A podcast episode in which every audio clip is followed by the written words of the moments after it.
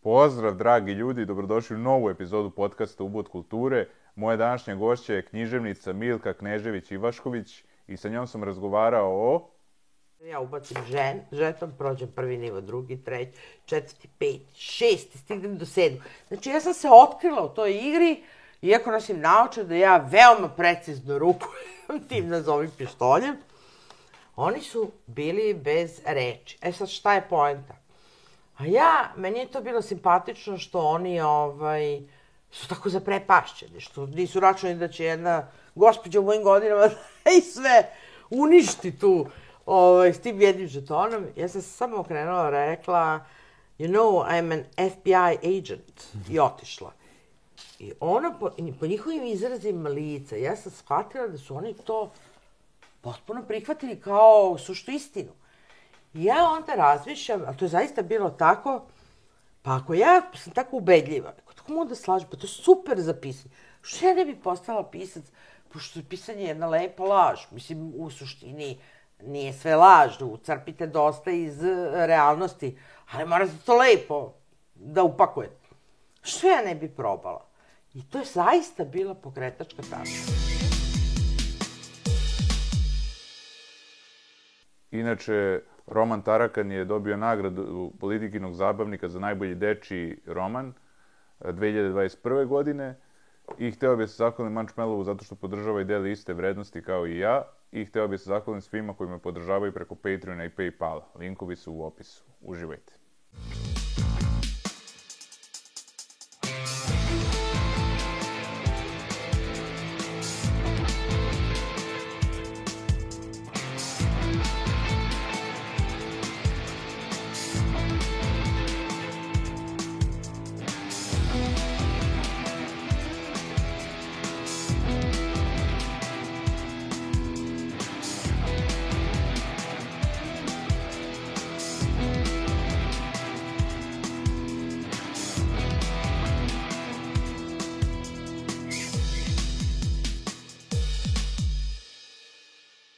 Pa Milka, dobrodošli i hvala vam mnogo što ste došli. Hvala vama. Za početak jedno manč pitanje, a to je na šta vas asociraju 80. godine, budući da vaš roman Tarakan radnja se odvija tih godina? Pa, kao prvo, ja nisam nešto našto nostalgična, pa neću da kažem asociraju me na moju divnu mladost, na neka bolja vremena, jer ove vremena su takva kakva su. Uh, nisu ni nešto ni bolja ni gora, ali dobro, da kažem, asocira me na period mojih studija uh, svetske književnosti i na uh, moje odustajanje od pisanja. To je, znači, ako treba to da obrazložim, uh, mogu da kažem, da ispričam da ja zapravo nikad nisam žela da budem pisac. Ja sam trebala da budem te veterinar, te ne znam, istraživač, antropolog uh, i na kraju psiholog. Uh, moja profesorka iz 14. Beogradske koja je navijala za to sugerisala je da upišem književnost, Uh, ona me terala i ja sam i obećala da ću upišem književnost, međutim na dan upisa ja sam otišla pravo na filozofski da upišem psihologiju. Bila neka velika vrućina, Uh, znači, govorimo o 79. To je ono vrata pred ulazak u 80. Pred ovaj I, novi talas. I, jeste, pred da. novi talas. I ove, ja sam došla tamo s namerom, misleći to sad kao nije nikakav problem, ja sam odličan đak bila, sad ću ja da upišem psihologiju. Na toj nekoj visokoj temperaturi bio je užasan red ispred fakulteta. Ja sam prišipitala šta se ovde čeka, kaže mi čekamo da upišemo psihologiju. I svi su Vukovci. I ja shvatim da ja M nisam Vukovac, pa su mi male šanse, M uh, sam bila malo lenja da sad stojim tu na vrućini da iskušavam sreću i samo se prešaltujem na pored fakultet filološki i odem i upišem svetsku.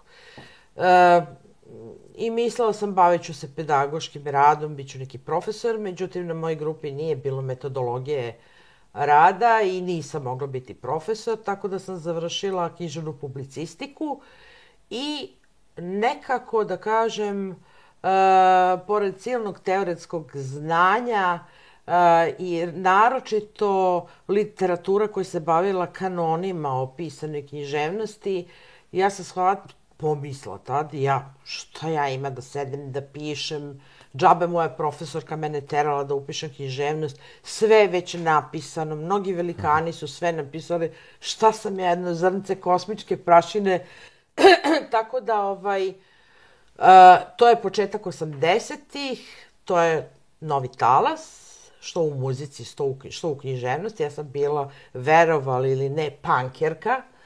Uh, I bila sam prilično buntovna, m, sa nekom željom i da živim negde drugde, uh, u nekoj kosmopolitskijoj sredini.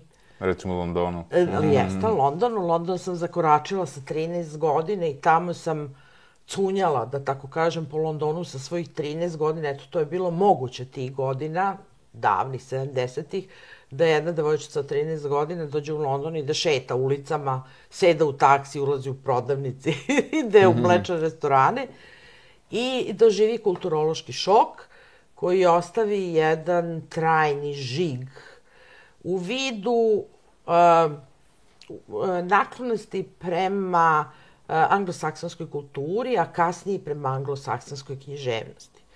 Na tom fakultetu, gde sam ja bila vanredni student, ali sam bila dosta dobar student, ja sam stalno imala polemike sa koleginicama, uh, tada se pojavila su se prve knjige Stephena Kinga ovde u izdanju Dečih novina, I naravno, kad sedete i pričate, pa koji vam je omiljeni pisac, svi se hvataju za Dostojevskog, čak i ako ga ne pročitaju. Da, da. To je Ja sam ga pročitala i volila sam Dostojevskog niz, nekoliko decenija mi je bio prvi na spisku, ali sam tada otkrila i, na primjer, Stephena Kinga, Dina Kunca, uh, neke pisce koji su bili manje poznati. King nije bio ovde poznat, mislim i on je tek počeo karijeru. I onda sam tamo zagovarala tezu da je Stephen King pandan savremeni pandan Dostojevskom za te svoje polifonije ovaj, karaktere i to je bila blasfemija. Znači, imala sam sukobe oko tih stavova i te 80. su dakle za mene bilo otkriće i nekih novih pisaca. Sećam se, mi smo imali veliku biblioteku u kući, ja sam mm, rano počela da čitam, puno sam čitala.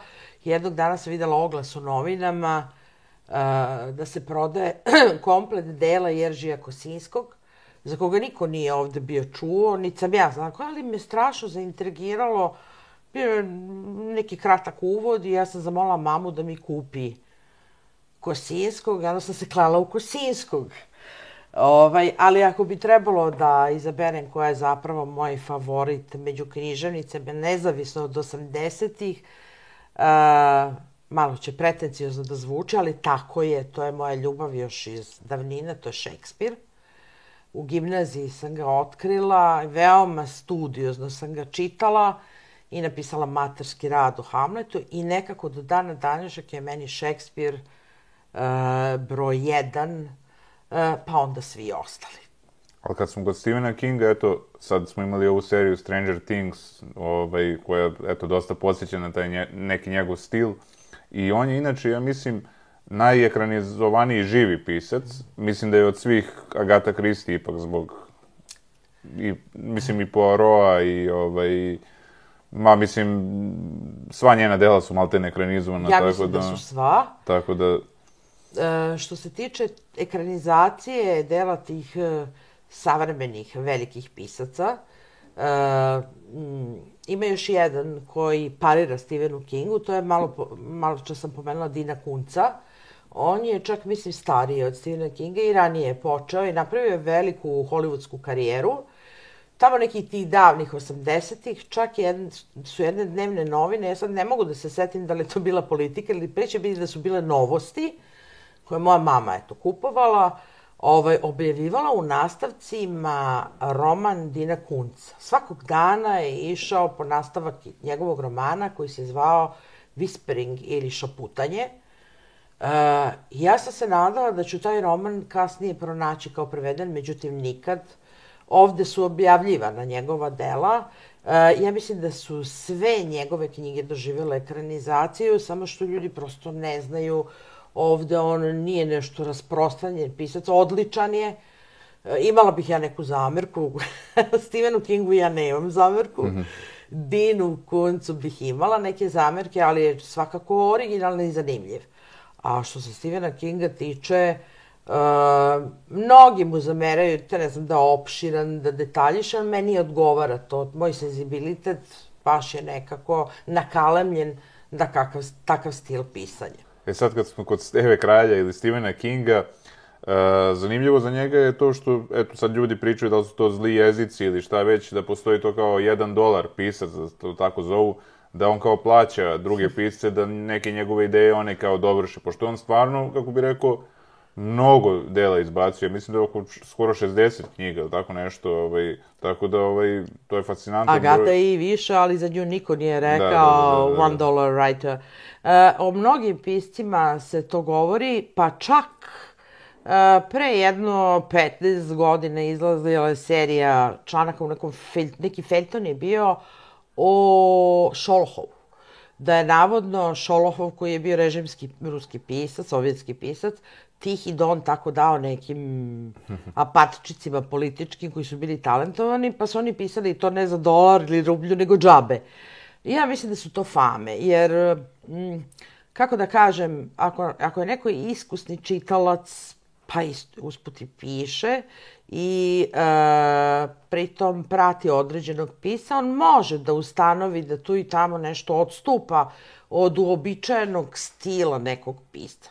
Uh, ja to kod Kinga sam videla samo u jednoj knjizi, ali pretpostavljam da je on uh, hteo da napravi neki presedan, neki iskorak.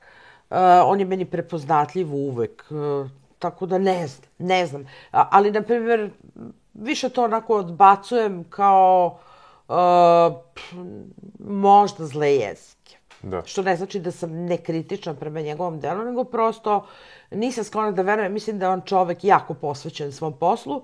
On je napisao jednu knjigu koja se zove O pisanju, gde vi vidite šta stoji iza te njegove enormne produktivnosti. Znači, on je čovek koji ima milion ideja koje neće uspeti da stavi na papir do kraja svog života. E, drugo, on gubi vid e, drastično. On ima da li ima progresivnu miopiju ili nešto slično, ili retinopatiju, neko ne znam, ali on sve teže, on eventualno može da diktira nekom. Znači, on u toj knjizi obrazlaže i tu potrebu spisateljsku da se piše. Zato što zapravo jedan pisac koji uh, piše kao što diše, uh, ima doživotnu potrebu da piše. Ne može da se zaustavi, ne može da stane, ne može da kaže sad je dosta, napunio sam ne znam, 75-80 godina ne vidim dobro, ne čujem dobro, kljakav sam bol, se sad neću više da pišem. Ne, to je jedino što ostaje. Tako da mislim da su to glasine. Da, da, da. Pa ja sam imao jedan taj, tako sam ga nazvao, shortcast, gde sam ja sam pričao baš o Stephenu Kingu, mislim o njegova dva dela. Prva je Rita Hayworth i iskupljenje u, u Shawshanku, da. Uh, međutim, ovaj, kod nas su napravili spoiler, jer su napisali odmah bekstvo iz Shawshanka, ah. tako da su ono napravili odmah, da, da. zna se o čemu se radi, jel? Ovaj, koliko on u stvari nije verovao prvo ovaj, e, u to delo, da će to ostvariti neki uspeh, u, njemu je nudio, eto, ovaj, Frank Darabont, e, da, ovaj, kao, koliko ćeš para, on mu je nešto nonšalantno rekao, ma, tipa 1000 dolara, taj, taj neki, ovaj, red veličine, I na kraju je, eto, film, ono, najbolje ocenjeni film na IMDB-u.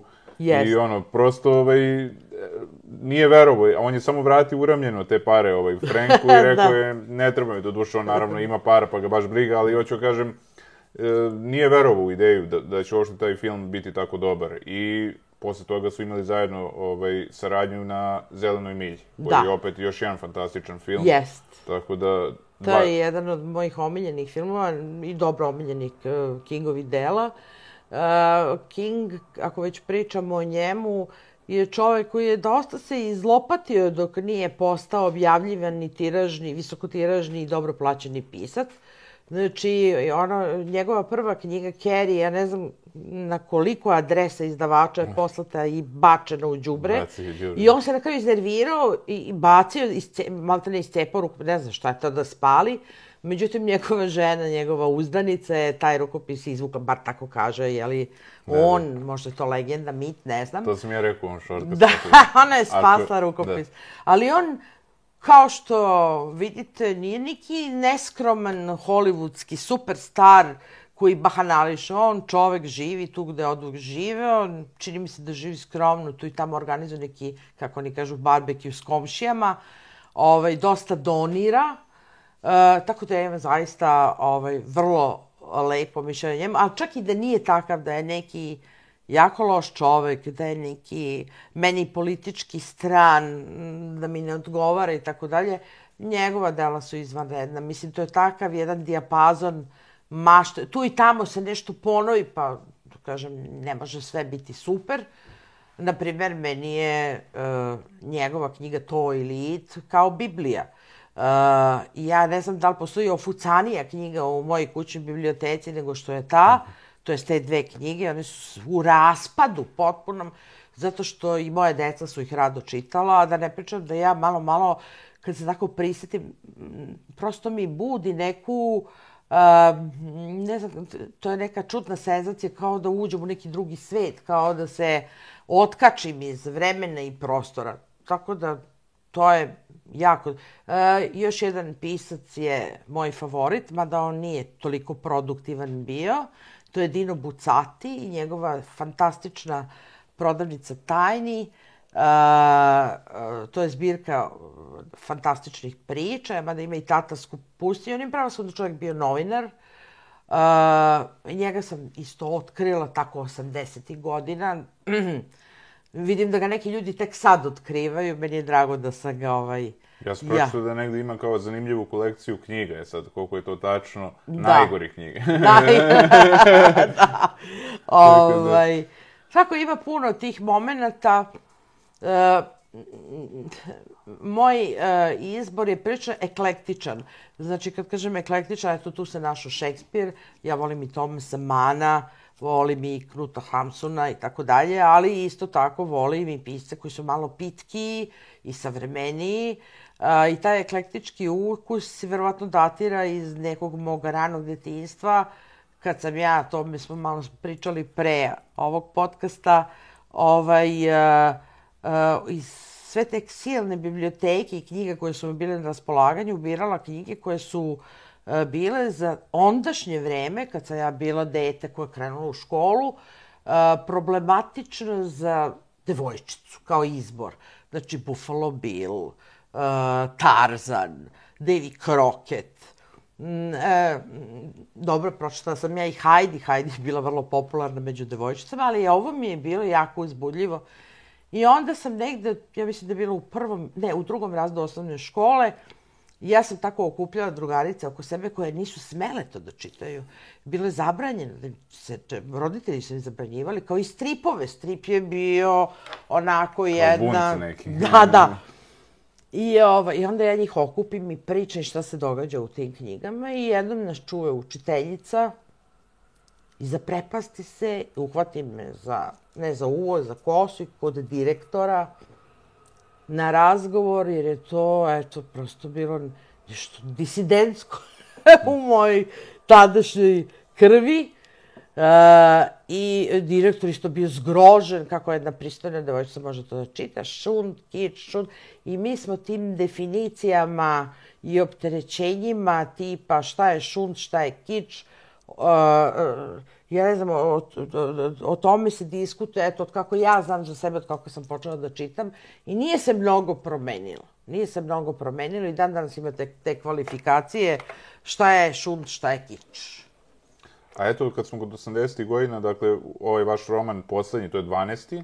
Jeste. Mislim, ovaj, do sada poslednji, a ovaj, da li imate neku, neku, neki u pripremi ili... Ovaj... A da, imam 13. je napisan već uh, tri četvrtine. Da, da. Uh, da, koji je takođe fantastika i on će biti obimniji, on neće biti za mlade i za decu. Zapravo moći će da ga čitaju tinejdžeri od tinejdžerskog u stvari uzrasta do starih, a ovaj roman Za... Po, u suštini i on je uh, ono 14 plus. Da, da, da. Uh, iskustvo je pokazalo da se taj roman dopao kako tinejdžerima, tako i odraslima i nekoj generaciji uh, 80-ih koje su rasle, pošto i jeste opis 80. godina u Beogradu. A vi ste dobili nagradu politikinog zabav, zabavnika za decu i mlade, je li tako? Jeste. Tako je. Uh, u stvari, prvo je uh, se desila Zmajeva nagrada. Tako kao najbolji roman za decu i mlade, a onda uh, odmah posle toga,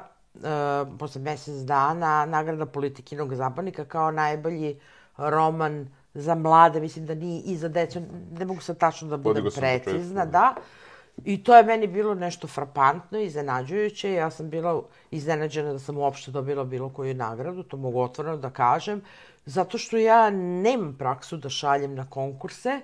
Uh, ovo sam poslala ne u poslednjem trenutku, prvo ko ajde kao da probam, ali uh, roman malo iskače iz tog šablona književnosti, mislim, neću da kažem da postoji šablon, ali uh, i sam predsednik žirije je napisao naučni rad o ovoj knjizi u časopisu detinjstva, da je rekao da zaista, i to je obrazložio, da je, neću da kažem ni to da je to mala revolucija, nego ne samo da iskače iz šablona, nego predstavlja jednu prekretnicu u, u poimenju toga šta je uh, prvožanovska književnost za mlade i drugo, šta znači napisati uh, roman sa uh, fantastični, sa elementima horora za taj uzrast.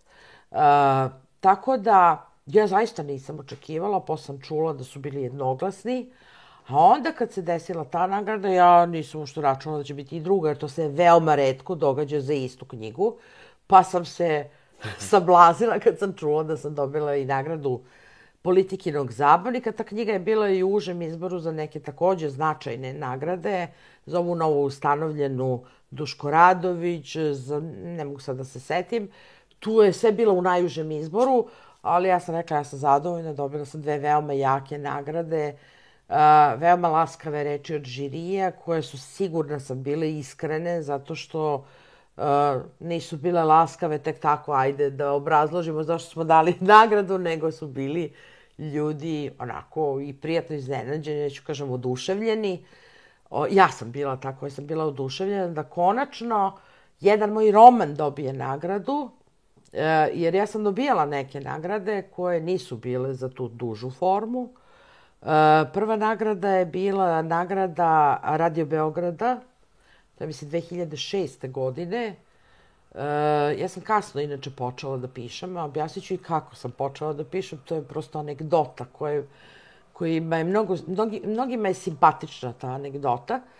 Ovaj, uh, znači dobila sam, opet sam poslala u poslednjem trenutku, drugarica mi se javila, rekla, Radio Beograd ima konkurs za priču, za decu, ovaj, uh, šalje, rekao, ja ne znam šta, kako, ja niti pišem priče, niti pišem za decu. Sutra se završava konkurs, ja pošaljem poslednjeg dana i zovu me za rođendan, ja ne znam ko me zove, mislim neko hoće mi čestita rođendan, mi vam kaže čestitamo, Ja rekao, ko je to, čestita mi neko rođa? Ne, kaže, dobili ste nagradu. Znači, krenulo je s tim, onda su bile nagrade za neke priče, laureatska nagrada Andra Gavrilović, Resavske biblioteke za priče, ja sam bila jaka u tim pričama, u kraćoj formi, ovaj, a romani su mi balansirali. Bio je roman koji je ušao u najuži izbor za žensko pero 2009. Uh, ali nekako prolaze godine, ja sam ušla već u neko prilično zrelo doba, pa neću da kažem da sam se oprostila od nagrada, ali nisam računala da će to da me zadesi. I to je veliki vetar u leđu. Zato sam ja odmah prestavila tabak i rešila da napišem još jednu knjigu koja nema nikakve veze sa ovom, nije nikakav nastavak. E, prosto želim da se isprobavam u različitim žanovima kao i do sada a i zaista ja imam mnogo ideja, vola bi da još neku završim, da je dovršim. A recite mi, uh, ovo je vaša, znači, 12. knjiga, a samo su dve dečije, je tako, od tih 12? Uh, prva knjiga koja je objavljena 2002. zove se Veliko drvo. Uh, to je jedna tanušna, mogla bi se nazvati novelom.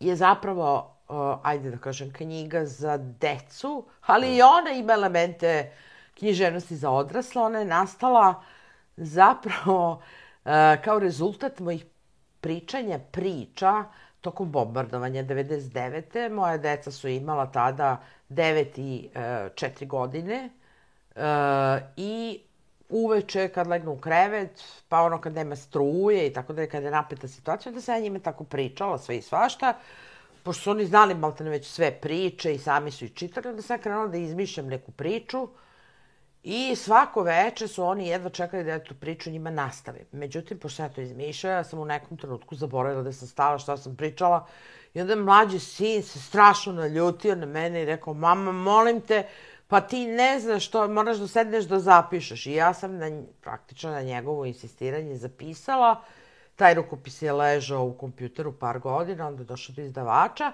to i sledeća knjiga je sigurno literatura za tinejdžere, ona se zove 13, jedno sećanje na 70. I to je recimo moj autentični dnevnik. Kad sam ja imala 13, upravo taj period kad sam išla u London i šta se meni sve dešavalo, taj E, dnevnik sam ja pronašla u svom podrumu pre ne znam koliko godina i prosto sam se zaprepastila da li je moguće da sam ja ovo napisala. Uh, bilo je suviše dobro da bi, uh, kako, ja sam zaboravila kakva sam ja bila sa 13 godina, naravno to svi zaborave. Ovaj, ja sam njega jednostavno samo prepisala, izmenila sam imena i to je to. Čujem da je taj roman jako dobro prošao u nekim osnovnim školama. Ovaj, eto, to su te dve moje knjige ko, i ta priča nagrađena na Radio Beogradu. Isploje da to meni nešto leži, da neko tete čuči u meni. Ali opet su to 70. i 80. i to je neki period vašeg odrastanja i sazrevanja. Jeste. Pa, I... Uh, uh, ima, imam ja elemente, recimo ta priča nagrađena na Radio Beogradu, ona je iz savremenog vremena, iz, ono, ako je nagrađena 2006. ona i jeste radnja u 2006 ali niti sam ja nostalgična, niti ja idealizujem neku moje detinjstvo i vreme kad sam ja bila dete. Uh, ali sam ustanovila da je čitaocima, pogotovo mlađe generacije, veoma zanimljivo da pročitaju nešto što je bilo pre njihovog nastanka i postanka. Tako je za Tarakana e, bilo, meni je bilo interesantno kad sam čula mišljenje prvog mladog čitaoca koji ima 13 godina, Uh, koji je bio oduševljen, nije mogao da ispusti knjigu i imao je samo jednu primjedbu da je se prebrzo završilo, u smislu trebalo je... A ja sam sve pazila da, da, da mnogo ne odem uh, u opširnost, računajući pa šta sad deca čitaju. Zaboravila sam sam pritom ja kao dete volila obimne knjige. Da, da. Ali eto ima... Ali dobro, danas je malo vreme instant, pa onda... Da, ovaj, da, jest. Tako da... Ali recite mi, Što se tiče 70-ih i 80-ih, koje su neke, ajde, svi uvek glorifikuju to vreme, ali koje su to bile zamerke? Recimo, 80-ih je bio Černobil, mislim, i tako to. Da, nije uopšte naravno. bilo idealno vreme, ono nije što se tiče, ono, 70-ih je bio još uvek vjetnamski rat yes. i još neke stvari, tako da ono... Pa, znate, mi da... uvek govorim, govorim iz perspektive nekoga ko živi u svoj bari. Uh, ako je nama bilo dobro 70-ih, a zna se kako se živjelo u Jugoslaviji u, u 70-im, imali ste prilično visoku zapo, stopu zaposlenosti, ljudi rade, zarađuju, imaju sindikalne kredite, imaju odmarališta za, na koje mogu da odu za male pare ili malte, maltene džabe koje je bio privilegovan da može. Uh, svašta je moglo, pa onda ona čuvena priča o crvenom pasošu koju morate da čuvate kad odete u inostranstvo, ali ko je u inostranstvo? U inostranstvo su išli kao i uvek oni bogatiji slojevi, kad kažem inostranstvo, da mrdnu dalje od Trsta. A ovaj, a, znači, nikako nije bilo idealno vreme.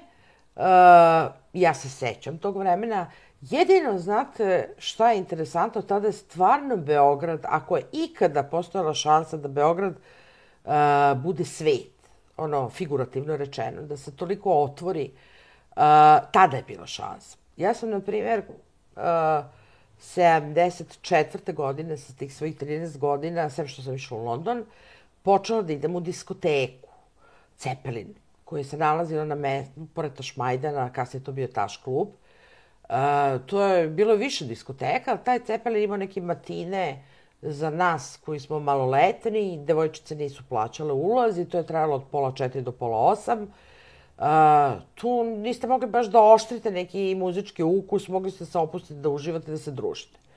To je bilo fantastično za nas.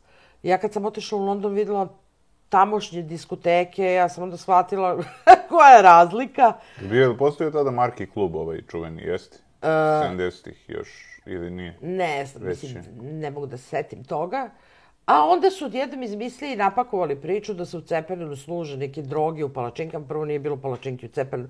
E, kasnije se to raščistilo da je tu učestvovao neki profesorski kadar, da ne grešim dušu, mislim iz Pete Beogradske i neko iz neke opštine i da je to tako namešteno, zato što tadašnjoj političkoj kliki nije odgovaralo e, to prozapadno raspoloženje, taj prozapadnjački način e, provoda maloletnika i malo starijih, jel?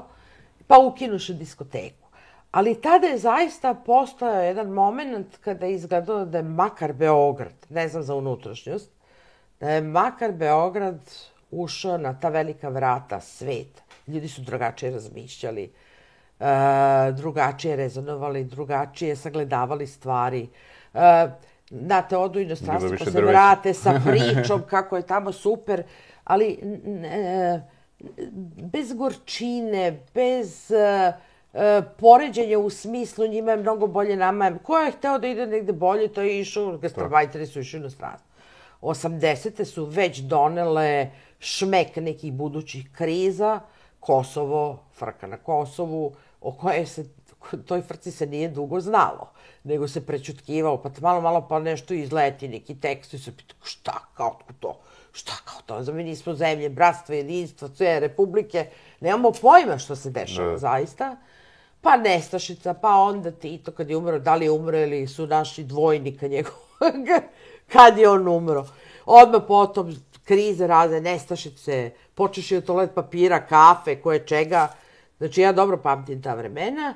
To je, jeste vreme novog talasa, jeste buđenje, ali to, je- to je egzotika bio. Da. Ja znam, pošto sam tako bila neka pankirka i divila se Uh, mnogo mi se sviđao taj bunt. Možda ja nisam razumela suštinu tog bunta. Možda to nije bio bunt ovde, u tom smislu kakav je bio, na primjer, u Velikoj Britaniji.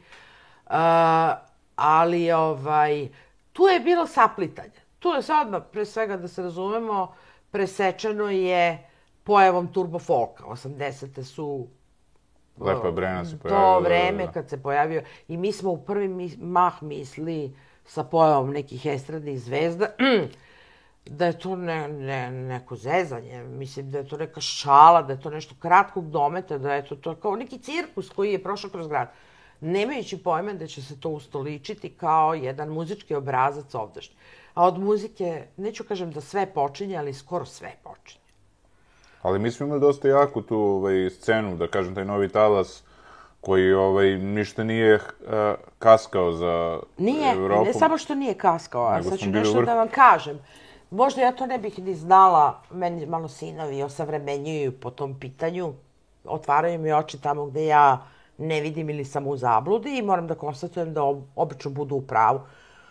Imate grupe koje sam ja zaista mislila da su vrlo originalne, da slede te ritmove i pravce iz, sa zapada posebno. E, mada moram kažem da sam ja mnogo volila ovaj, e, e, neke dru, ne, ne isključivo i Engleze i Amerikance po pitanju muzičkog stila. Ja sam volila Falka, recimo veoma i dan danas cenim i volim da slušam Falka. Ovaj, ispostavilo se da mnoge muzičke grupe koje smo mi glorifikovali, pa ih i dan danas glorifikovali, zapravo su radili plagijate. Da. E, I onda kad to saznate mnogo godina kasnije i odslušate original koji je nastao godinu, dve, tri pre nego što je nastao hit neke naše popularne grupe koja je, nazovi buntovnička, se mnogo razočarate. Da, pa čak i Child in Time nije original. Ne znam Pa da znam, da, ima to mnogo to, Da. da, i 60-ih neki. Sad ne znam kako Ima se zove, mnogo to toga, razočaranje bude, kao kad otkrijete da neki pisac propi, prepisao knjigu ili pesmu nekog svog prethodnika, meni je to naravno razočaranje. Da, kad da. naletim na tako nešto. Pa i Zeppelin su se nešto ovaj, na sudu ovaj, sa nekim, ovaj, Jesu. oko neke pesme, sad ne znam Ja tačno. ne znam da li da im oprostim ili ne oprostim, pošto su mi i oni favoriti. Da, da, da. da. Ali opet, sve je to bilo kvalitetno i ono, i ako su radili obrade, bile su kvalitetnije nego originali. Da, Tako da, pa kažem. potrudili su se. Da. Da, da, da. A što se tiče 80-ih, eto, meni je dosta, pošto je radnja 88. u Mhm. knjizi, dosta me podsjetilo na, na film uh, koji ja volim, a to je Doni Darko, Ah. jer i tu se radnja odvija 88. čini mi Da, se tačno. ne znam, da, se Da. odvija 80. Da, da. E, ova knjiga mnoge podsjeća na ovo, na ono. Da, da. Čak je jedan pisac koji i, i on ima neke podcaste i piše i kritike, kolega vaš. On je to poredio sa, na primer, Stranger Thingsom, meni ne liči na sve. Pa ne Pa, znam, onda meni. neko kaže, pa ne znam, liči na dela, uh, kako ona, na koja, ne znam, sa raznim nekim autorima, a ja zaista se jako trudim kad pišem, prvo kad pišem, dok god traje proces pisanja, ja ništa ne čitam. Znači, ništa. Ne uzimam knjigu da čitam, e, da ne bi uplivalo nešto nesvesno, podsvesno, što ću ja posle da projektujem u svojoj knjizi, ne želim da mi se tako nešto desi, jer mi se jednom davno kao piscu, početniku to desilo, ali sam primetila, znači šta je ovo, divno je to napisano, super, ali zašto ovo ne liči na mene? Onda shvatim da sam ja Pod zapravo, uticajem, da, da. to to je i normalno, to, je, to mnogi autori kažu to da bi se dešavalo. Ali meni ne, ne liči na Doni Darka, nego jednostavno sam samo tu poveznicu u godini video Da, i da, to što da. ima entitet taj, ali... Ja ne znam ni prosto- zašto sam izabrala 88. Iskreno mogla je to biti Da, da, da. neka ranije, kasnije nisam htjela da budu 90. To je već Ali prilično sve to sam već eksploatisano. nagoveštaj Da, tih, da, da- da kažemo, ima 90. nagoveštaja, da, Da, da. Nisam htjela uopšte da se bavim kriznom situacijom koja je svima neprijatna. Se setimo, ja ne volim da kopam te kraste i rane. Ovaj, htjela sam neki period, a, iako ne mogu da kažem da je to neka knjiga puna veselja i radosti, ali barem da nema rata, barem da nema toga, barem da, Da, da. nema neke hiperinflacije. Mm, To je mnogo puta sažvakana tema. Ima, ima ovaj, dosta i interesantnih tema, ali kao što je vršnjačko nasilje, Da. koje je sve prisutno od uvek. Bilo ga i tad. Da, i tada, i sada, i mislim... Znači, veoma ljudima, ja kad čitam na društvenim mrežama pa pečuju vršnjačkom nasilju, pa pobogu toga je bilo od uvek. Ja ne kažem da to valja što je bilo tako, ali ja, bilo je i u vreme kad sam ja bila dete. Ne samo što je bilo vršnjačkog nas, nasilja, nego je bilo mm, veoma nekorektnih e, profesora, nastavnika koji su se i tekako iživljavali, pa smo ih mi đaci mrzeli, pa im lepili žvake za stolice Da, e, i tako dalje. Znači, toga je bilo od uvek. Samo je stvar kako to m, smanjiti, kako da kažem, e, efekat toga što se dešava. Nismo mi roboti, ni deca nisu roboti, nisu ni profesori, po, mislim, budu ljudi i nervozni, deca budu u nekoj krizi, sve to razumljivo, Ove, ali vršnjačko nasilje je postojalo, mislim, apsolutno, ja sam svedok toga. Uf, kako da ne. Pa zato kažem, 70 i 80 sigurno nisu bile bajne ni po tom Ne, pitanju, ne. tako da ono... Ma ni po čemu nisu da, da, da. bajne. A 80-ih se već i naslučivalo, da kažemo, ono, širom Jugoslavije, kraj tih Jest. 80-ih, da tu već nešto ne štima i da, ono, i Kristina Kovač je pričala ovde kad je bila podcast do duše, to je već bilo 90-a, tako da, ono, već kad je učestvovala na, ovaj, pesmi za Jugovizije, ili kako se Mhm. već zvala tada, ovaj, da se osetilo, ono, Kako da ne? tada da, Kako da ne? Kao prvo, hm, odmah da objasnim, ja sam disidentsko dete. Znači, moji roditelji su bili politički nepodobni. To se taj rep vukao još ono, od drugog svetskog rata. I otac i majka. Uh, oni, na primer, nisu mogli da kažu da su mnogo uživali u toj atmosferi nekadašnje mm, socijalističke federativne republike Jugoslavije. Što više, moj otac uh, do svoje smrti, a umro je 1995. nije mogao da dobije pasoš. Nije bio neki, da kaže, ono što kažu, ratni zločin. Nikog Da. nije ubio. Znači, on je prosto bio na nekoj drugoj političkoj strani, uh, ali je tako bio stalno pod nekom prismotrom i on čovek nije mogao da ode, da skokne, da poseti druga koji je živeo u Aradu, a nisu se videli još od detinjstva, on, taj drugi je bio neki invalid, uh, on je teo da ode da ga poseti, samo tu da ode da vidi, pasoš nije dobio. Iako je čovjek imao i stan, i ženu, i porodicu, to nisu mu dali. A mama, koja je bila nesuđeni dramaturg, ona je napustila studije na poslednjoj godini zato što ju je spopao neki profesor e, i ona se više nije usudila da se vrati na studije koliko je on bio navalentan. Ona je život provela kao kancelarijska službenica, pišući priče, dobijajući nagrade za te svoje priče, tako da kažem, jedan, to nije protraćeni talent, ali šteta što nije mogla da se posveti onome što što je bila po vokaciji, ja, ona je bila dramaturg. Ali oni nisu mogli da žive, znate, kao i ostali. Mi smo živjeli u zgradi Jata, bivšeg, to je pored crkve Svetog Marka, gde su živeli eminentni umetnici, ljudi iz kulture. Oni su svi živeli bolje. Znači, iako smo mi bili kobajagi jednaki, iako su svi imali ista prava, moja mama i tata su radili za neke relativno male plate, Uh, nisu mogli da napreduju u službi, eto on nije mogao da dobije pasoš, a neki drugi iz te iste zgrade su mogli da imaju poslugu. Znači, da. u tim vremenima, 70. Velika razlika. Da. Nije bilo sve za svakog isto, a neću se vraćam još unazad šta je bilo odmah posle rata. To je da, znači, Goli da. otok i to, da, da, da, sad da, tih da. tema ne... Da. Mnogi poznati umetnici su prošli kroz to. Jesu. Tako da. A, teo sam vas pitam vezano za muziku koja je jako bitna za vaš život i mi yes. smo pričali i pre ovog podcasta i ja sam se i pripremio, evo tu sam stavio neke CD-ove. hvala, hvala, prepoznala sam odmah, da, da. da. Tu je i Massive Attack i ovaj, Košin i Ali evo, iza je tu album koji je danas baš, pošto ah, danas... Da, evo, Pink Floyd, Ne znam da. kada će se prikazivati podcast, ali danas je prvi treći i 73. je izašao, znači pre 50 godina je izašao 50. ovaj album, tako da... Uh, ja Pink Floyd nisam mogla da smislim u jednom periodu života kad sam bila devojčica. Uh, baš kad sam išla u disko. A onda sam slušala Boogie Nights, mislim i takve stvari.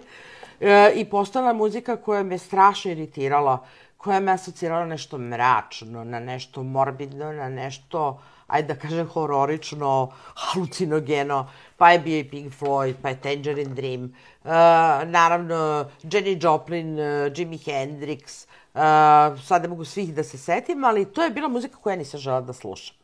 Onda mi se desilo, ja ne znam koji sam razred bila. Uh, prvo, u toj poseti Engleskoj malo su popucale te moje barijere prema nekoj vrsti muzike, te sam na, u free shopu kupila album uh, Jimmy'a Hendrixa Long Playku, što je bilo nevjerovatno da mi se odjednom slušao Jimi Hendrix. E, međutim, negde, mislim da sam bila možda sedmi ili osmi razred, davala se jedna predstava u pozorištu, zvala se, e, ja, setit ću se, nije važno, zaboravila sam ga, domaća autorka je napisala, koja je bila propraćena muzikom baš iz ovog albuma. Ja sam to doživjela kao otkrovenje. Pozorište, imate sliku, imate muziku i doživlje kompleksan.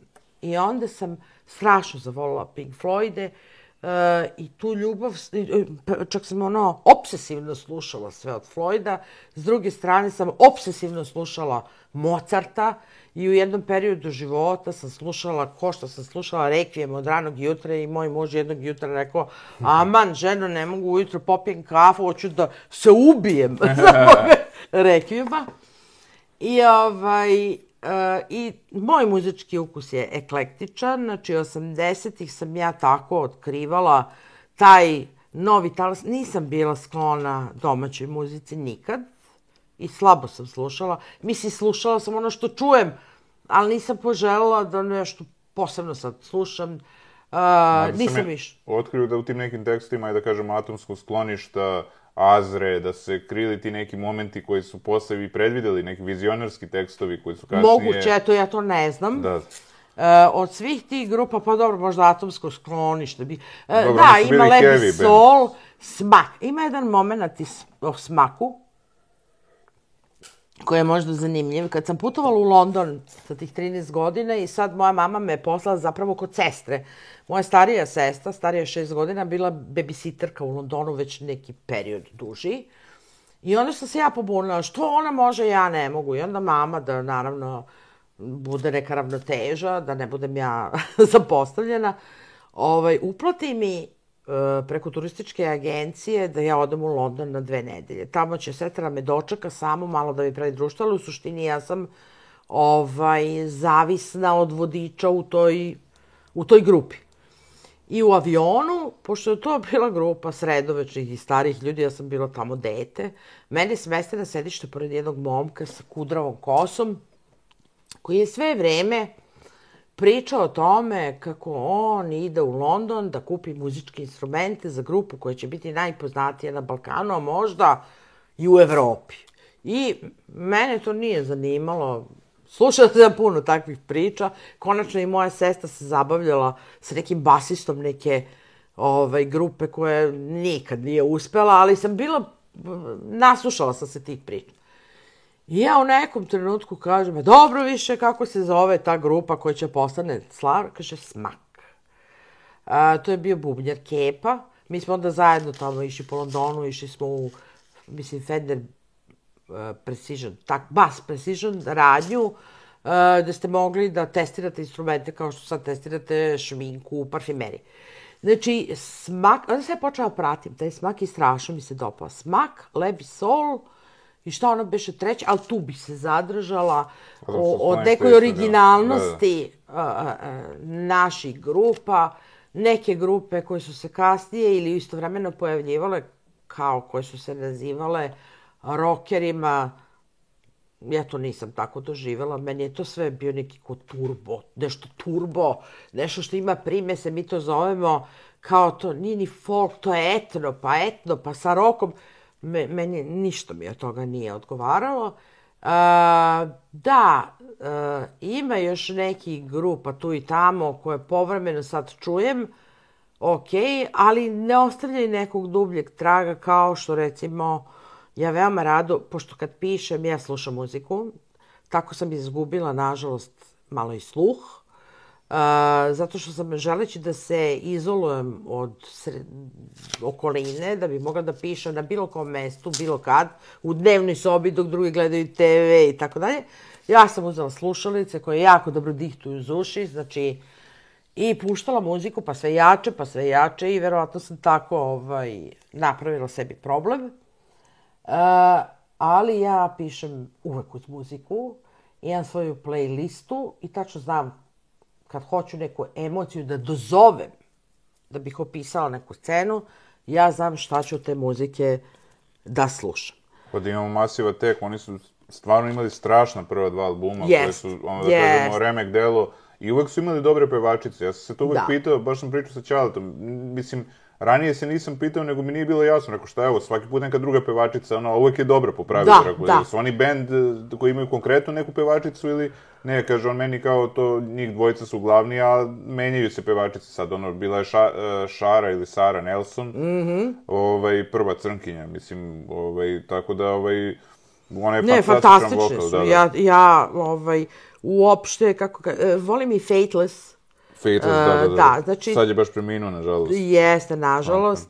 Uh, evo vidim Košin. E, Košin je fenomenalan za stvaranje određene, određenog ambijenta u mojoj glavi. On je malo depresivan, uh, ali mm, meni vesela muzika ne može da izazove drugačije uh, efekte nego ne znam, neko skakutanje po travi. nemam, nemam dublju emociju na to. Mene Košin, na primjer, posjeća na detinstvo, pošto to bilo rane 2000 i tamo, e, ono, taj, taj ali neki... ja tad nisam slušala Košin. Da, da, da. da. Uh, I sad su bili na Beer Festu, mislim, bi kao... Ma sjajni, znači, da, da. stvarno bio dobar koncert, tako da- Ima da... tu nekih ovaj, grupa, kako kažem, mogla bih ja da nabrojim dosta grupa koje mi se dopadaju, ali recimo zaista da je Pink Floyd broj jedan i ostaće tako, jer ništa, nikakav odnos prema njima nisam uh, promenila ni dan danas, to to dugo traje. Pa neverovatno je da, ovaj, da su tako mladi bili kada su stvarali taj album sad. Mislim... E, znate šta je neverovatno? Oni su uh, svi iz Cambridgea. Da. E, moj sin, mlađi, sticam okolnosti, živi u Cambridgeu. Tamo je završio, sad je doktorirao. Uh, I onda sam, ja dva puta sam išla tamo da ga posetim, procedura odlaska u Englesku nije baš da, tako da. jednostavno kao nekad. Nekad je bilo stvarno uzmeš taj crveni pasoš i op, i dinare i super. Sad je to, boga mi, procedura, ali sam uspela dva puta. I ja sam strašno, prvo što sam želela, ajde ono, shopping, to me više i ne interesuje, ali tela sam da pronađem nešto, neku radnju koja, pretpostavljam, prodaje predmete sa oznakom Pink Floyda, sa nešto. Nema. nema. I sin kaže, nema. Pa rekao, da li je moguće? Nema. Sad, ko je stavio veto? Možda su oni. Da, iz ne da, znam kog razloga. Imali su i oni sukobe između sebe, pa možda Verovatno je i ono- to u pitanju. Dobro, Da, da. tako da, ovaj, ali nekako mi miriše taj Cambridge uvek na Pink Floyd. Prosto mogu da doživim, da imam slike u glavi kako, šta, naravno, to je moja fantazija. Ali eto, kad spominjete već englesku, ja sam otišao sam u englesku duše dosta kasnije, sa 25 godina, da bi naučio bolje engleski, jer shvatio sam da jedino ako budem pričao engleski, moći ću i bolje da ga, mislim, upijaću bolje. I onda sam otišao na kurs, a iz, mislim, ajde kurs što sam bio na kursu, nego što sam sa svima pričao tamo na engleskom, tako da, ovaj, van kursa, tako da doneo mi je poprilično znanje, ali naravno, posle kad sam se vratio i kad, kako sam prestao da pričam, opet sam shvatio kako imam neke Da. prijatelje iz Engleske i stekao sam pri, neke prijatelje tamo iz celog sveta. Ovaj, Španci i Italijani su pričali između sebe na španskom i italijanskom, tu sam ja njih nešto i pohvatao, ono, znao, mislim, znam nešto iz španskih serija isto, ovaj, a italijanski Da. isto nije težak, pa onda može da se, ovaj, I onda ovaj, ja sam im govorio, nemojte da pričate ono između sebe, zato što nećete naučiti ono engleski, došli ste ovde da naučite i... Ali uglavnom, hoću da kažem, imao sam ja to iskustvo, da sam sam otišao ovaj, u englesku. Je li i- bilo magle čuvene? Nije, Eh, nije tad. ni meni. uopšte to leto nije bilo, čak je nije mit. toliko kišovito.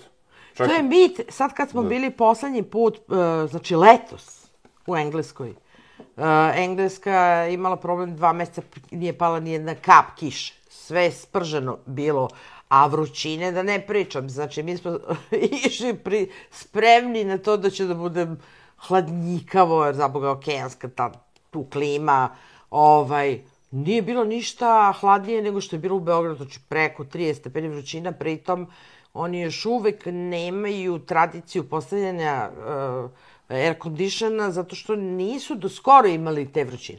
Ali te priče o čuvanoj londonskoj magli koja se vidi uglavnom kad gledate seriju Sherlock Holmes ili nešto slično. Da, da.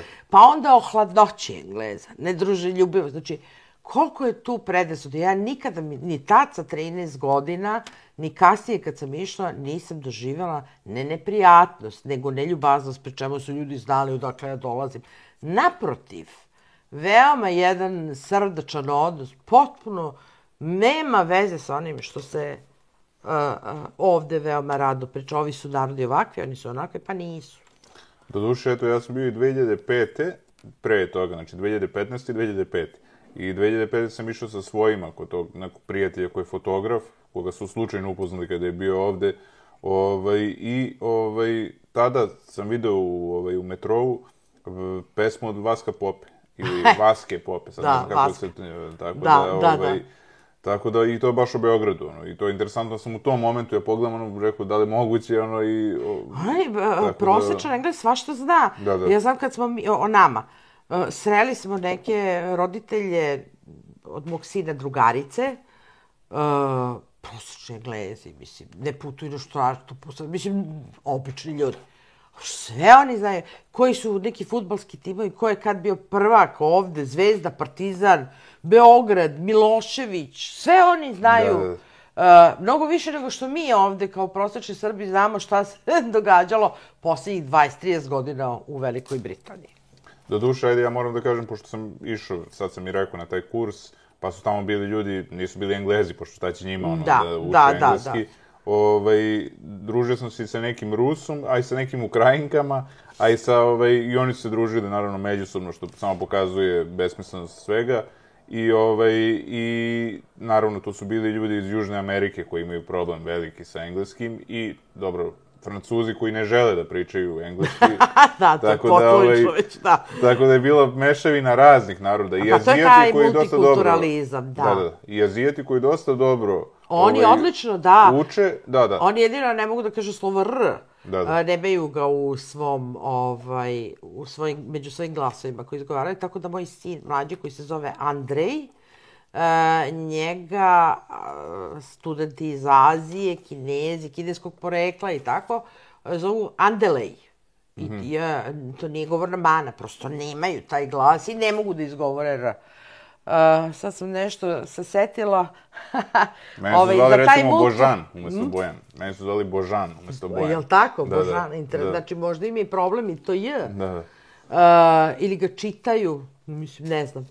Uh, ovaj, taj multu, multikulturalizam koji je tako opčinjavajući, kad vi dođete, prvo kad dođete na aerodor, pa vidite ljudi iz svih delova sveta koji normalno prolaze, odlaze i taj London koji je... Samo da nije zapravo... iz Nušićevog da, da, ovaj, taj multu, multikulturalizam kojim sam ja bila opčinjena sa 13, u vreme kad je Beograd, pošto sad pričam Beograd, ja sam iz Beograda, se otvarao kao svetu i išao u tom pravcu. Jer i mi smo bili uh, znači, na dobrom putu da budemo, budemo jedna multikulturalna zemlja. Pritom mislim, gomilu, 80. godina, gomilu stranih studenta koji su ovde studirali, ja sam tako upoznala silne studente uh, iz Kipra, uh, iz Grčke, uh, iz Iraka, iz uh, nekih drugih zemalja uh, i to je bilo zaista interesantno. Da vi malo razmenjujete u tim pričama iskustva kako se živi ovde, kako se živi ovde i sve vam postane bliže. Uh, ne morate da odete tamo lepo i da odete, ali onda čujete iz prve ruke nekog ko živi na Kipru, kako se živi na Kipru i to je veoma simpatično. Toga više, čini mi se, ovde nema. E, ali eto, to je taj multikulturalizam koji sam ja bila opčinjena sa 13 i kasnije je bio taj trend ovde ne, u jednom kratkom periodu i ugasio se. Baš sam pričao sa Kristinom e, to oko ovaj, e, to kad sam baš bio ovaj, u Engleskoj, da recimo španac, italijan, da su rekli kako nije dobra situacija u Španiji i Italiji, da sam ja odmah rekao kako nije dobra situacija u Španiji i Italiji, da. ono kao, evo, Italija odmah pomislim, ono, neka ladovina, ono, mislim, da, da, Toskana, da. neki sir, nešto, ovaj, ono, miris prirode. Ovaj, kad, ovaj, kao, ma jok, palim ja u Ameriku, onda tajlanđanin meni govori kao, ma ne, kao, ja planiram da ostanem kao u Engleskoj, kao, znaš, ne vraćam se tamo, I onda ono kao ti si meni prvi prijatelj, rekao kako sam ti prvi prijatelj, onda mi on objašnjavao to nekako čudno tamo ponašanje ovaj njihovo, da to to totalno drugačija kultura i tako to. Da, da. I ovaj a Rus sa druge strane opet eto on je imao tu malo da kažemo predrasude prema Englezima i rekao mi je kaže da on već izvesno vreme on se bavio ovaj da koliko sam ja razumeo pravio one mermere za ovaj baštenske stolove i mm -hmm. ovaj ne znam šta i da nije sa Englezima baš imao nije mogu da se uklopi, da se sprijatelji na taj način kao što se sprijateljio recimo sa mnom, kaže, zato što odmah smo kao nekako povezani smo iz istočne Evrope, e sad ja rekao možda nije naišao na prave ljude ili ne znam šta, pošto sam ja upoznao i neke Engleze koji su, ono, druželjubivi, mislim, tako da, ovaj, sad sve zavisi, naravno, ovaj, i od njega, kakav je on, u ostalom, tako da, ovaj, bilo je interesantno to iskustvo, u više podcasta sam spominjao, pa sad da se ne ponavljam, Ali eto, ja bih se vratio na muziku. Interesantno da. je to što je, ovaj, počeli smo sa Massive Attackom, taj, taj trip hop koji je nastao u Bristolu. Mm -hmm tu su se pojavili strašni bendovi kao što su Triki, Portishead. E, da, Portishead, da. Opet imamo i jednu zanimljivu pojavu, to je Banksy. I, ovaj, I to je zanimljivo da njega vezuju za ovog Del Naju iz Massive Attacka, da je kao da je to on, zato što je on ostavio vajda grafite tamo gde su, to je spravio murale, tamo gde je nastupao ma Massive Attack. Mm -hmm, ali, pa mislim, kao da, ali ja mislim da ne.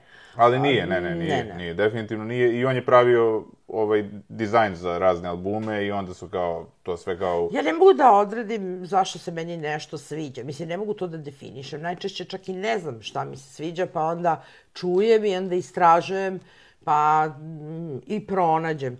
Uh, recimo, ja volim jako da slušam Rudimental, koji nema veze sa da, da ovim da, da. što smo sad spomenuli, a oni su me očarali verovatno zbog spotova u početku, iako ja ne volim da pratim muziku gledajući spotove.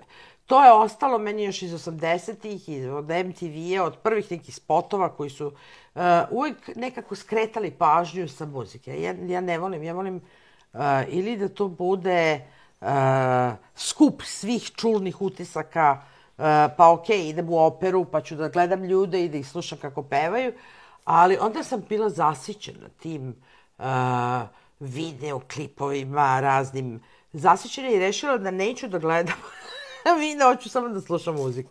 Inače, Ali... Masiva tek ima odlične spotove. Kad da, to... pa, da, vrlo. Ovaj, e onda, međutim, me opčinio taj rudimental koji ima neke, hajde da kažem, da to nazovem humanim spotovima. Uvek sa nekom uh, duboko humanom porukom uh, prosto čovjeka dirne, mislim, ne znam, ali eto i kad ne gledam spotove, sviđa mi se muzika. A eto, da, pre podcasta ste, ste mi poslali da je jedan od bendova i Juno Reaktor, oni Da. su vrlo zanimljivi, ono, ludački, da kažemo, psihodelični da. ovaj sastav Pa koji ja ono kažem broji- eklektično je, da. da. Da, da. Ima ih i po 15 na sceni, mislim, i ima... Fantastični I su. Steve Stevens je čak bio na nekim nastupima, video sam ovaj, ovaj ja mislim da gitarista su oni za. Matrix radili Moguće, da. da. muziku, da. E, da, i oni su mi općini baš zato što su tako neobični, što imaju taj žestok ritam koji prosto seče. Ja definitivno, sa izuzetkom Pink Floyda i Were Here i tako dalje, gde ima malo to, tog nekog sentimenta meni, koji mene dira, e, volim žestok ritam. Znači, sve ovo što sam spomenula od grupe su zapravo izuzeci tog žestokog ri- ritma, pa bih, e, osim Juno reaktora, koji užasno iritira moje prijateljice, ja sam jedno vreme kad mi dođu u društvo, pijemo kafu, skupimo se, ja pustim Juno reaktor po odru, ko, šta to slušaš? Daj, ne znam, čolu, ali imaš čolu, ma kakav čolu? Mislim, e, prosto nismo na istoj talasnoj dužini. E, ovaj, dobro, Seven Juno reaktor tog žešćeg ritma, eto, malo čas spomenuti Led Zeppelin, strašno, pa čak i Black Sabbath, ja pamtim sebe, imala sam sreću da imam stariju sestru koja je bila prilično ušla u muziku i zabavljala se nekim basistom i onda su oni non stop u našem stanu sklapali neke jako velike zvučnike, zvučne kutije, to je bilo kao da se napravi veliki, ne znam u kom drvetu i tako dalje. Evo ih to zvučice. E, da, i to je kod nas se radilo u stanu i isprobavalo, krčalo, šuštalo, dok ne prestane krči i šušti, ne valja. Ove, ali sam uz nju počela neke, neku vrstu muzike da slušam i uvek se setim Paranoid od Black Sabbatha, znači to kad puste ja onda navolim da skačem po onom kauču, potpuno, i ostalo je to, ta, pa je to i diskoteka u kojoj zapravo ljudi idu da se izđuskaju. Nisam volila, neću da kažem konvencionalnu muziku, nego onu, znate, šlagersku, ja ne, ne, ne e, osporavam kvalitet toga, ali nije za, nije za mene. Da, da. A kako vam se čini Tiberi Corporation? Jeste njih? Nisam slušala. Nisam, a možda sam i Pa slušala. zato što su iz tog perioda, pa gledam, ono, razmišljam. Možda sam i slušala i toga ne mogu da se setim. Uh, skoro sam razgovarala sa nekim, na primjer, da, da svu tu uh, kombinaciju muzičkih stilova koja se meni sviđa, ja sam odjednom se raznežila kad sam čula Temptations. Mm. -hmm. Rekao, ovaj, ja, Temptations, zato što je to bio neki period My 80 Girl i ima, neke, kad su oni već bili legende, uh, kad sam ih ja slušala u bašti uh, velike, uh, velike Madere na Tašmajdanu, tu se moje društvo okupljalo, išli smo malo šansa, malo Madera, i onda u bašti bio neki razglas i oni su puštali uglavnom Temptationse i znalo se da tu dolaze neki potencijalni ljubavni parovi, I taj, to je bila nekako muzika koja je ležala, učučala uz te letnje večeri i uz ta udvaranja. I ja sam potpuno zaboravila to, jedno sam se setila. Mislim, eto. Nostalgično. A blues mi je, na primer, ako bih odredila žanr koji mi se sviđa, pored ovoga što sam spomenula, što svakako ne spada u blues, ali vuče koren od nekud. Uh, Pa sve vuče, rock and roll tako vuče je, znači, ali blues jako, samo što za blues, znate, tu, tu, to, mm, to su, kažem, tužna muzika. Veoma dira. Ja ne mogu da slušam... Jedna je stvar kada pišem nešto, pa mi treba muzika kao pratnja uz emocije ili uz neke misli koje se stvaraju, ali najčešće ako se posvetim slušanju muzike, onda nema tu ničeg drugog sem slušanja muzike. Onda volim da slušam muziku. Ni reči me ne interesuju u prvom trenutku. Znači, e, blues je takav da on očara, uh, hipnotiše, uvede vas u neki poseban emotivan svet koji može da bude i bolan. Ako čak i nemate bolne iskustva, da izazove uh, određenu neku psihičku bol. Pa to meni uvijek deluje kao uz čašicu nekog viskija. Da, se Da, da, kao, pa ovaj, obavezno u ide neki pozadini Jack ide Daniels, da, blues i, da, da, ovaj, da, da, da. Tako da, Ali eto, ovaj, i što se tiče bluza, tu imamo strašno, mislim, Kingove, trojicu Kingove, Da. da. koji su, svi mislili da su braća, a u stvari niko od njih nije, Da. ono, srodnik, tako da od njih počeo, pa onda imamo Erika Claptona, mislim, pa Jeste, ima puno. puno Bluzera, zanimljivih, da. Peter Green i tako dalje, da ne pričam.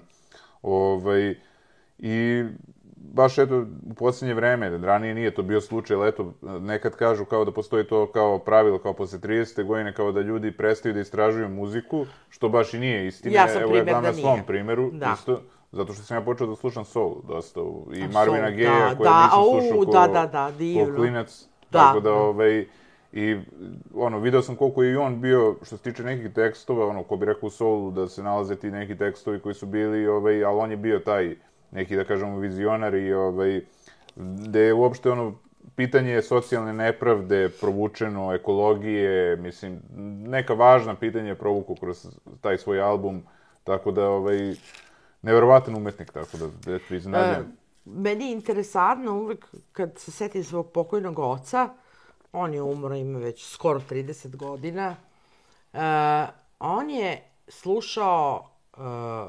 Gojkovića, našeg, volao je džez, e, ali ovaj, najradije je slušao Roya Orbisona i Elvisa Prislija. I on se potpuno, znao je nešto svira malo gitaru, akustičnu, I ovaj, desilo se da ga neko društvo povuklo da idu negde zajedno, neku prosto, nekome se rodilo dete ili, ili nešto tako, pa kafana. Tada kafane zapravo i nisu bilo ovo što i sada. Sada, sada je sve kafana i svuda se sluša tipska muzika, ta, taj, nazovi folk. A onda je bilo kafane za ovo, kafane za ono. Imali ste kafane u Skadarli gde slušate starogradsku muziku na uce, a imali ste ono na Ibarskoj magistrali neke kafančine gde su dolaze, dolazile neke pevačice koje su skakale po stolovi gde ste za, stavljali novac i u, u, u ovaj, dekolte ili već gde, jel? I sad moj otac koji je volao da se provodi, ovaj, ali eto ima i specifični muzički ukus i bio je veoma društven, komutikava čovek, otišao je da se, da se pridruži ekipi koja nešto proslavlja u neku kafanu van grada. Međutim, došao je vrlo brzo. Nije se zadržao. I sav je bio na, kao, im, on je imao jednu, nazovi psovku, to se danas više on je umeo da kaže, kao i otac iz moje knjige, majka mu stara. To sam ja pozajmila od mog tate. Ovaj, on se bio strašno iznervirao. Zašto? Otišli su u kafanu. E, i tamo je bila ta neka muzika koja njemu nije odgovarala, gde su svi se ponapijali, popadali. Jedan se kolega već ispovraćao, tek što su došli, sedeli pola sata, nisu znali za meru. Neke pevaljke koje su tražile da pa, tu na uvce, pa ovo. I, ovaj, I on nije tu mogao da se uklopi i neko mu je to zamerio. Pa šta ti kaže, slušaj?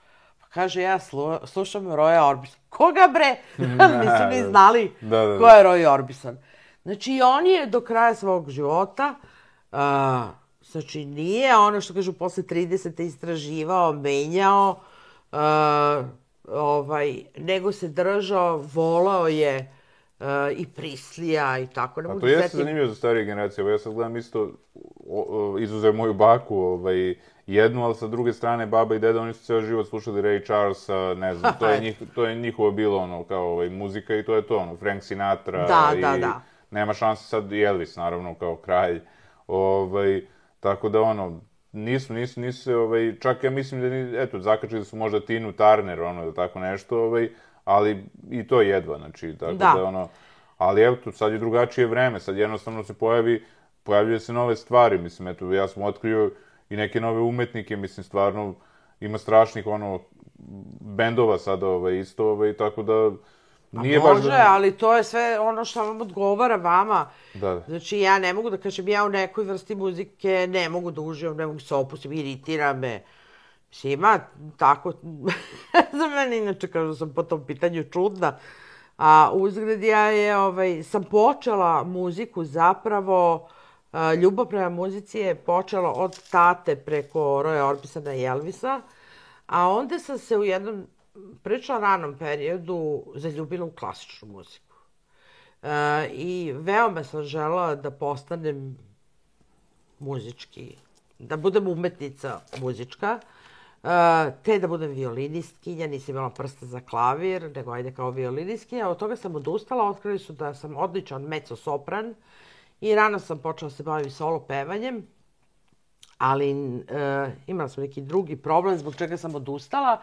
Sam tada upoznala klasičnu muziku i kao devojka tih 80-ih, kad sam upisala fakultet, bilo potpuno normalno e, tada, u ono vreme, da ja sa svojim drugaricama jednom nedeljno idem u Narodno pozorište. Ili je opera, ili je neka, e, neka postavka Šekspira čak. Toga se dobro sećam. E, ne znam kako je sada, ali uh, i ta klasika je ostala, ostala mi je ljubav prema njoj, samo što i toj klasici ona ne može biti usputna muzika, muzika dok ja pišem da je slušam. Ne mogu tako. Znači moram da joj se posvetim, da sednem i da je slušam i da samo o tome, prosto me tako duh odnese i ponese. Meni nekad prije da upišem instrumentali razni. E, ovaj, može, gitarski. kao ambientalna muzika da, da, da. isto, što da ne. Da, da, da. A što se tiče, da kažemo, ajde, kad smo već pričali o trip hopu i ovaj, Massive Attacku i ovaj, Portisheadu, e, ipak i kod nas je, da kažemo, scena 90-ih, iako vi kažete da niste slušali te bendove, ja sam iz razgovora sa raznim sagovornicima shvatio da je 90-ih kod nas scena bila jaka, tu je se pojavio Iceburn koji je bio, da Ej, da kažemo, na, na svetskom nivou, eto tako je. A, jel on sad ima novu grupu, mislim? E, da, on nastupa sa raznim muzičarima, ali on je nastupao i sa stranim muzičarima, tako da, e, ko je, mislim? E, da, ovaj, da, pratila sam to, Pa mislim, ima tu vrlo originalnih likova, ne osporavam ja. Da, da. Prosto oni nisu ni mogli da se baš probiju i da dođu svud.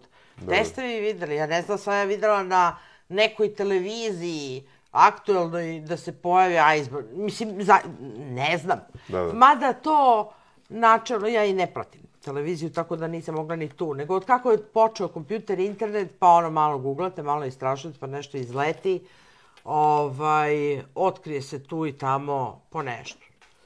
Tako da, recimo, sad sam počela, pokušala da se setim jedne grupe, ali ne vredi, zaboravila sam.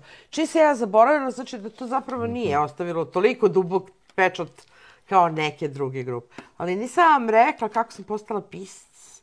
Da, nisam uh, možda, e, Pošto to ima veze sa nekim periodima u životu. Ja sam bila veliki zavisnik, zavisnik od kompjuterskih igrica. Uh, moj muž je još 80 prve, druge, ne, 84. otišli smo na letovanje u Španiju, otišli u Andoru i on je tamo kupio uh, Spektru. I dao, ne znam, neke pare i ja sam bila šokirana, šta si prije to kupi, šta je ovo? Šta je neka tastatura? Vidjet ćeš ti kad dođemo u Beograd. Naravno, kad sam došla u Beograd, ja njemu to više nisam dala da odnese svojoj kući. Non stop, da ono, bilo preko njih kaseta, pa ako vam pukne veza, sve iz početka učitava se igrica ja sam manijakalno igrala te igre i ta ljubav i ta pasija mi je ostala, ne mu kažem do dana današnjeg, ali do relativno skoro. I e, isto to je preneto i na moju decu, naravno. Jednom prilikom, ne mislim da to bilo 2000-te, tad sam ja počela da pišem, te godine. Znači, dosta, je, dosta sam ja pustila vremena da prođe, nisam ni znala da ću pisati, rekla sam da nisam to ni žela, da postanem bavila sam se drugim stvarima. Bila sam pre svega aktivista za prava životinja. To mi je bilo ono glavna stvar u životu. Uh, pa sam onda i te neke ideje pretočila u tu prvu knjigu koju sam spominjala, Veliko drvo, koja je roman za decu. Uglavnom, odamo mi u Grčku na letovanje, koji svi. Moje deca, sve super, giro, slado, ima ovde neka igrica i mi naiđemo na neku halu za, sa onim aparatima za igre. Oni se sjate na neki aparat, ubace žeton, igraju, moj muž sa njima, ja gledam, ništa mi nije interesantno, gledam okolo. Znači, četir... imala sam 40 godina, što kažu već ono teta u nekim približno srednjih godina.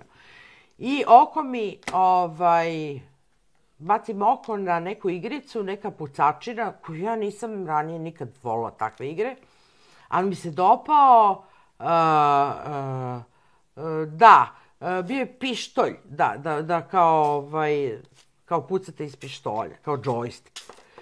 I ovaj, cilj igre je bilo da ima takih igara kako hoćete, zaboravila sam, nije ni važno kako se zove, mislim karneval užasa ili nešto tako, da pobijete što više negativaca, ali se pojavljuju i pozitivci, pa sad treba paziti da se ne ubije da. neki pozitivac. I ovaj, oko te igre skupila se neka omladina, njih sigurno 7-8 mladih Grka, koji nisu mogli da prođu ni prvi nivo. Znači, oni su ubacili žeton, pa vade drugi žeton, pa, pa se muče, pa se ne tresu ceo onaj aparat, a ja stojim sa strane i gledam i razmišljam, vuče me, ja bi da probam to. Zašto? Ne znam. I sad oni su ovako prvo mene gledali kao vidi šta tu stoji, a onda kad su iscrpeli svoje žetone i već im se smučilo, oni kao, ajde, kao meni da puste da ja odigram, ja ubacim žen, žeton, prođem prvi nivo, drugi, treći, četvrti, peti, šesti, stignem do sedmu. Znači, ja sam se otkrila u toj igri, iako nosim naoče da ja veoma precizno rukujem tim nazovim pištoljem, oni su bili bez reči. E sad, šta je poenta?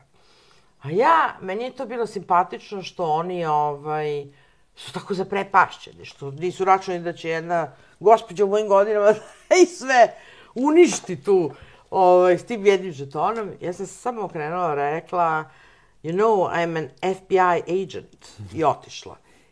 I ono, po, po njihovim izrazima lica, ja sam shvatila da su oni to potpuno prihvatili kao suštu istinu.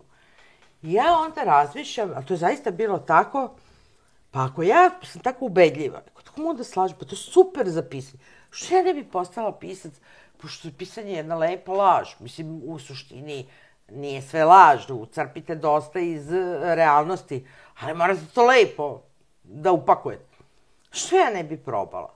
I to je zaista bila pokretačka tačka. To je, mislim, čudno, jer obično ljudi počnu iz nekih drugih poriva. Meni je tad cinulo da bih ja mogla da budem ne FBI agent, nego da budem pisac. Pa eto, vrlo zanimljivo. Vrlo da, zanimljivo. eto. Da.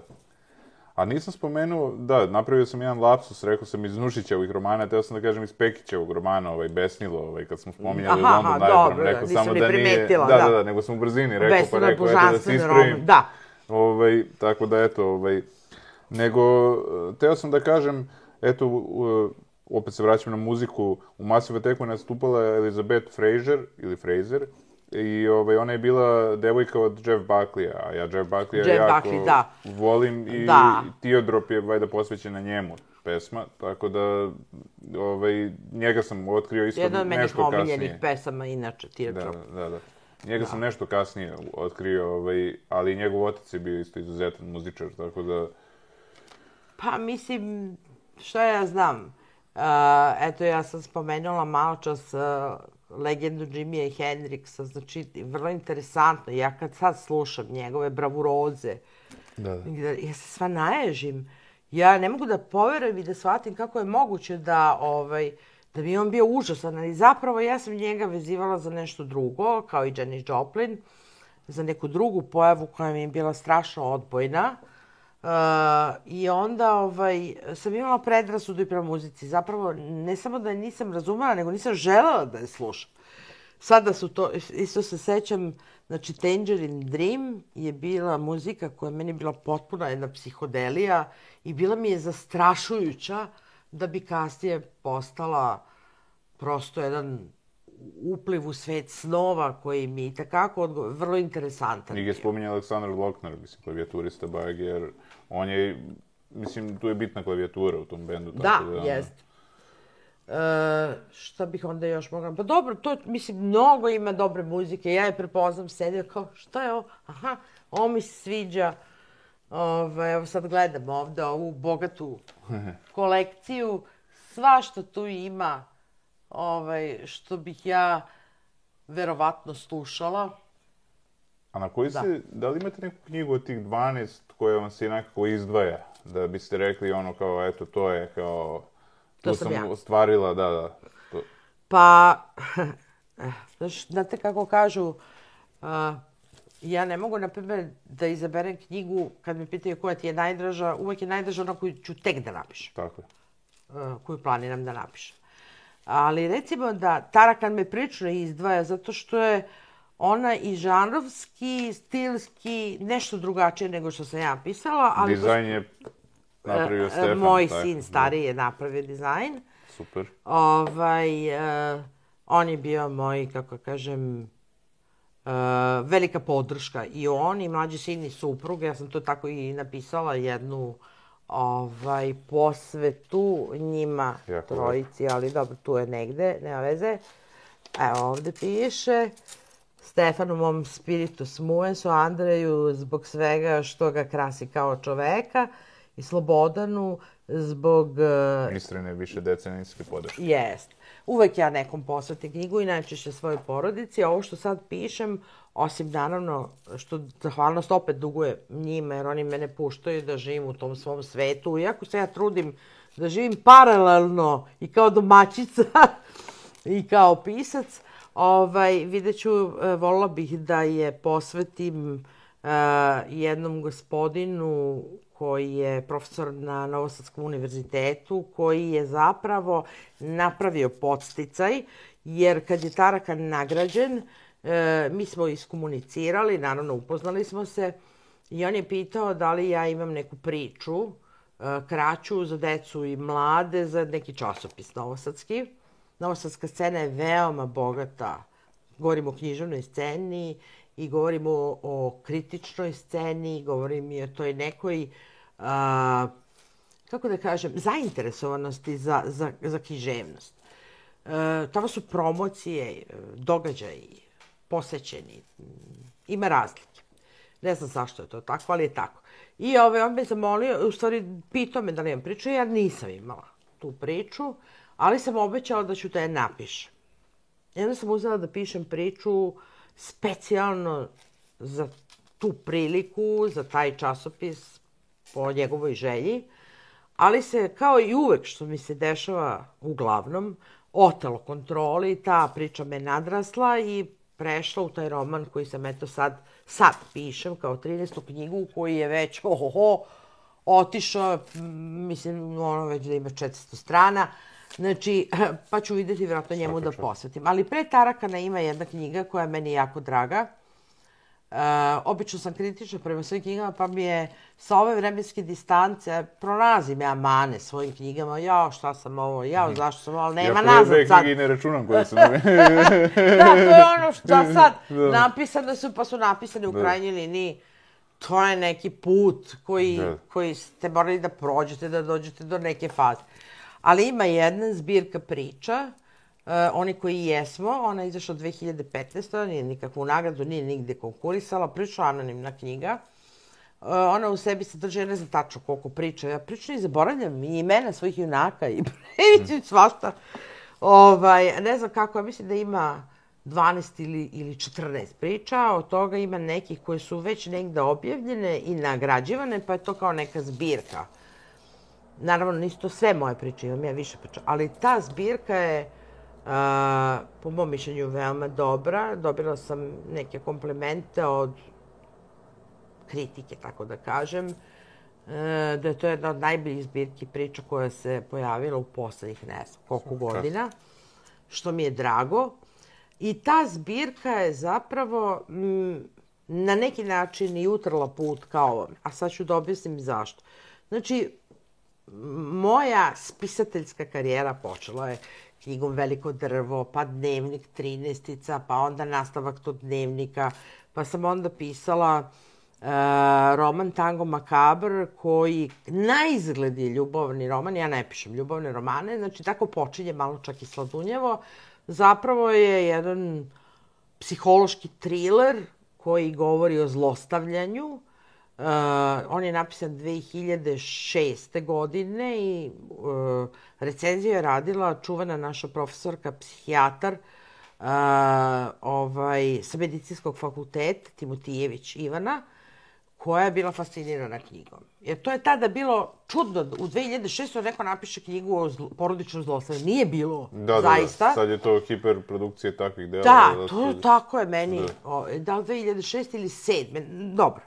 Onda sam dve godine kasnije objavila roman koji se zove Izgubljeno lice, uh, koji je roman o internet zavisnicima. I to niko nije bio napisao. Ja sam bila godinama uh, jedan od administratora na velikom našem forumu i onda me, bilo, bilo mi je fascinirajuće to iskustvo, vidite što se dešava Ništa, zapravo, čini vam se to, eto, kompjuter, tastatura, vi se nešto kuckate i šta sad to tamo? A šta bi sad tek moglo da se napiše o tome? A, ne, da, to je prilično napredovalo, ali to je čitav jedan život koji se koji je paralelan svet, je. mislim, laži, identiteti, čuda, manipulacije, ima i dobrih stvari, ali da kažem, ona, e, ta knjiga je bila u najužem izboru za žensko pere receptora u nagradu, ali pobegao je za jedan glasić.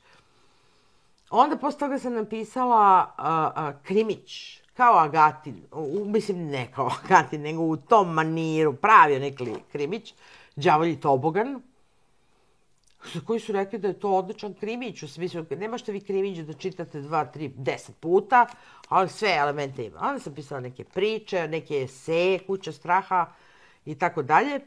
Da bi me tamo neke 2000, sad opet ne znam koje godine, kontaktirala jedna grupa autora, uglavnom vojvođanskih, nešto malo iz Beograda, da me pita, oni su me znali baš sa tog foruma, e, da li bih ja učestvovala u jednom projektu koji se zove Nešto diše u mojoj torti. To je bila elektronska zbirka priča novogodišnjih, ali morali su da budu horor priče. Ja sam bila najstarija tamo, to su sve bili onako prilično mladi ljudi, šta ću vam bre ja? Mislim, ja nisam nikad pisala horor, zaista nisam pre Da, toga da. Ajde, ajde, kao otprilike, oni su nešto videli u meni da postoji neki ovi, zametak toga, a onda sam i ja videla da postoji. E, veoma sam se inspirisala, pa sam nastavila da pišem. I to je jedno pet godina smo mi to svake nove godine, dok se nije koncepcija raspala. Ovaj, tako da, zahvaljujući tom učešću u, u, u nešto dišu u mojoj torti, su nastajale knjige kao što je ta zbirka priča, prilično mračna, uh, prilično mračna, pa i ovaj Tarakan. I ja mislim ovo što sad pišem, uh, da je vrhunac uh, nekog mog spisateljskog kreativnog ludila, znači ja sam potpuno uh, prepustila se. Ja inače i ne razmišljam da li je to nekome dopadljivo ili nije Da, da, da, dopadljivo. pišite, pa, Da. Pa ne, ne može pisati ni da razmišlja o tome, glupo bi bilo Ne da razmišlja. treba, onda bi- tako da. je. A hteo sam da vas pitam, gde mogu da se nađu vaše knjige, da znaju i ljudi koji gledaju ovaj... To je veoma delikatno pitanje. pa sad neke su rasprodate, ali u principu Ova nova. uh, ovaj Tarakan može meni svako da se obrati, ali ima ih inače uh, po knjižarama u gradu. Znam da ima u Vulkanu, uh, mislim da imaju Delfi knjižarama, ima ih po knjižarama, uh, ima ih kod mojih, mog izdavača, ko hoće sa posvetom može i meni da se obrati, ja sam tamo na Facebooku prisutna, tako da ima. Ove barem ima, onih nekih starih knjiga više nema. Možda ima po neki naslov samo. Milka, mnogo vam hvala na ovom razgovoru, uživo sam stvarno. Hvala i meni, Bojan. I ja sam.